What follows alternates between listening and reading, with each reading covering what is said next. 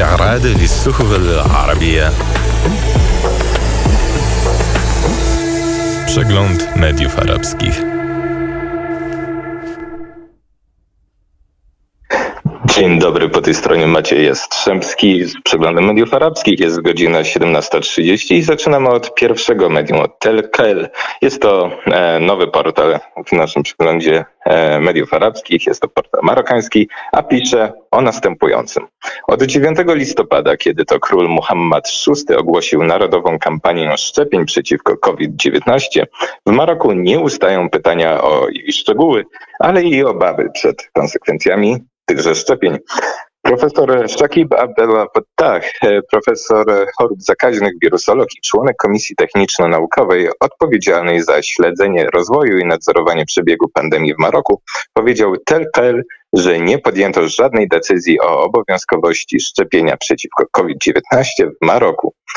Profesor powiedział, że z perspektywy naukowej i etycznej nadanie kampanii szczepień charakteru obligatoryjnego jest mało prawdopodobne, a obywateli nie można po prostu zmusić do szczepienia.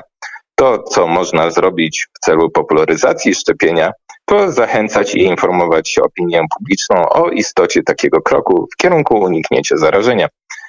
Profesor dodał, że stosowanie środków przymusu, takich jak e, uzależnienie możliwości przemieszczania się od tego, czy zostanie się zaszczepionym, czy nie, jest dyskutowane ze Światową Organizacją Zdrowia. Abdel Fattah zaznaczył, że w przyszłości być może pewne kraje będą zezwalały na przebycie jedynie osobom, które uzyskają dowód odbycia szczepienia przeciwko COVID-19. Wiadomo, że taka praktyka stosowana jest już w kilku krajach subsaharyjskich. Naukowiec wyjawił, że Maroko nie posiada wystarczających możliwości logistycznych, aby uczynić szczepienie obowiązkowym, ani by e, je w tej formie zrealizować. Abdel Fattah uważa, że nawet kraje rozwinięte produkujące szczepionkę nie byłyby w stanie przeprowadzić tak szeroko zakrojonej kampanii obowiązkowych szczepień. Takie działanie wymagałoby wielkiego nakładu środków, zasobów ludzkich, wyposażenia i pieniędzy. Abdel Fattah powiedział, że określenie liczby szczepionek, e, jakie mają ostatecznie trafić do Maroka, jest trudne. Dodaje niemniej, że liczba ta może wahać się od 5 do 10 milionów, co stanowi bardzo duży wydatek.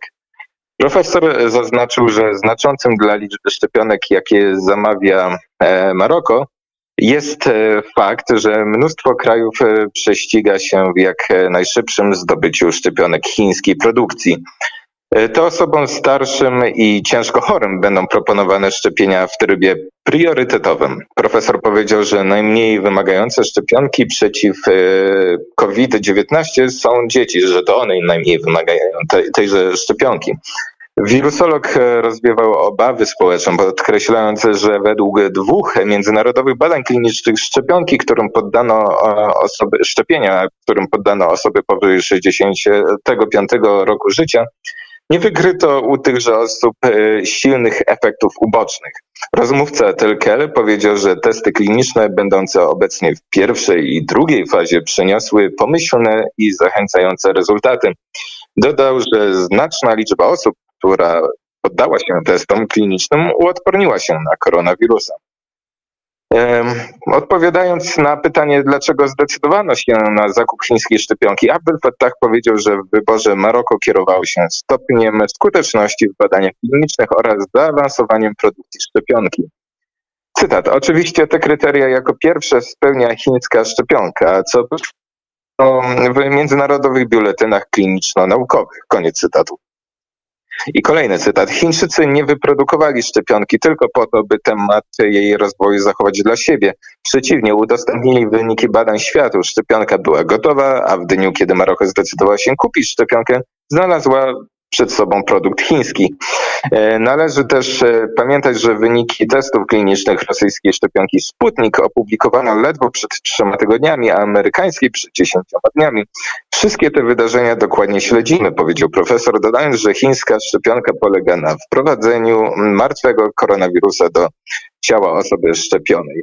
Jest to sprawdzona od 30 lat metoda szczepień przeciwko wirusom. Tak powiedział profesor Abdel Fattah i dodał, że istotnym czynnikiem w kampanii szczepień jest transport szczepionki od producenta do nabywcy. Naukowiec powiedział, że transport amerykańskiej szczepionki wymaga ogromnych nakładów finansowych i infrastrukturalnych, ponieważ musi ona być utrzymywana w temperaturze poniżej 70 stopni Celsjusza aż do momentu podania. Zdecydowanie się na szczepionkę amerykańską wymagałoby więc budowy infrastruktury, która okazałaby się bezużyteczna po zakończeniu programu szczepień w Maroku. Mój krótki komentarz. Sprawdziłem dane 10 największych firm medycznych obecnych w Maroku i dowiedziałem się, że największa z nich jest to francuski koncern farmaceutyczny E, Sanofi, który w 2011 roku dokonał akwizycji BMP Sunstone Corporation, producenta leków CHC na rynku chińskim. To jeszcze prawda zbyt słaba podstawa, żeby twierdzić, iż e, Sanofi wpłynęło na decyzję dworu królewskiego odnośnie do producenta szczepionki. Niemniej stanowi to ciekawy trop do głębszego zbadania. I na samo zakończenie informacja od Al Jazeera. Etiopskie wojsko e, zaczyna końcową fazę ofensywy w północnej prowincji Tigray.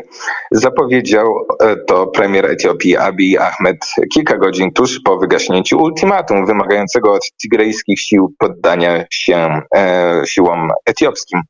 Cytat. 72 godziny dane kryminalnej klice zwanej Tigrejskim Ludowym Frontem Wyzwolenia na pokojowe poddanie się dobiegły końca. Nasza kampania Siły Zbrojnych osiągnęła swój końcowy etap. Czytamy w czwartkowym twicie Abija. Etiopski premier powiedział, że armii rozkazano zbliżyć się do oblężonej tigrejskiej stolicy Mekele i ostrzegł jej mieszkańców, aby zostali w domach. Więcej szczegółów na temat ofensywy sił etiopskich w kierunku e, regionu e, e, Tigray i jego stolicy Mekele znajdą Państwo za jakiś czas na stronie Radia Wnet. Maciej Jastrzębski, przegląd mediów arabskich. Kłaniam się Państwu i przekazuję głos do bazy. استعراض للصحف العربية Przegląd mediów arabskich.